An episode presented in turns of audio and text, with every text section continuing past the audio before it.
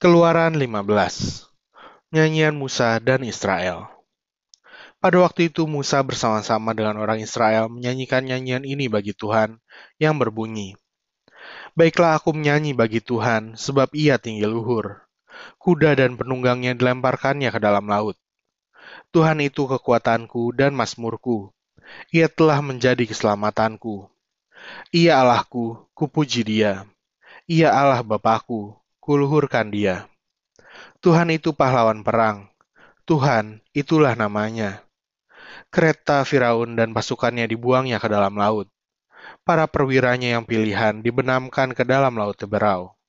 Samudera raya menutupi mereka.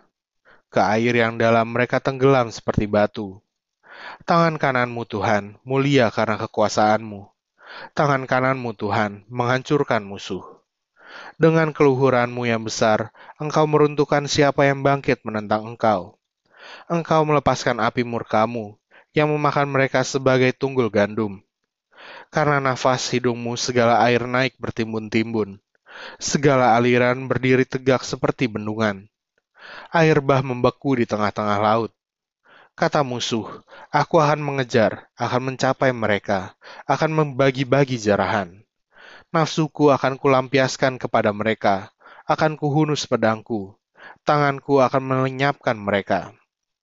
Engkau meniup dengan taufanmu, laut pun menutupi mereka. Sebagai timah mereka tenggelam dalam air yang hebat. Siapakah yang seperti engkau di antara para Allah ya Tuhan?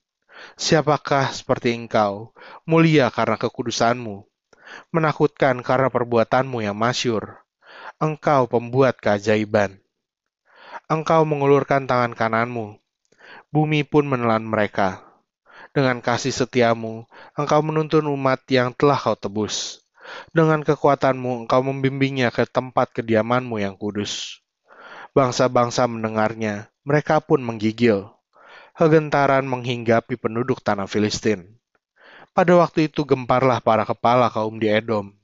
Kedahsyatan menghinggapi orang-orang berkuasa di Moab semua penduduk tanah Kanaan gemetar. Ngeri dan takut menimpa mereka. Karena kebesaran tanganmu, mereka kaku seperti batu. Sampai umatmu menyeberang, ya Tuhan. Sampai umat yang kau peroleh menyeberang.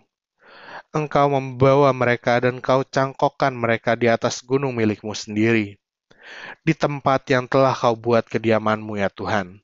Di tempat kudus yang didirikan tanganmu, ya Tuhan Tuhan memerintah kekal selama-lamanya. Ketika kuda Firaun dengan keretanya dan orangnya yang berkuda telah masuk ke laut, maka Tuhan membuat air laut berbalik meliputi mereka. Tetapi orang Israel berjalan di tempat kering dari tengah-tengah laut. Lalu Miriam, Nabiah itu, saudara perempuan Harun, mengambil rebana di tangannya, dan tampillah semua perempuan mengikutinya, memukul rebana serta menari-nari dan menyanyilah Miriam memimpin mereka.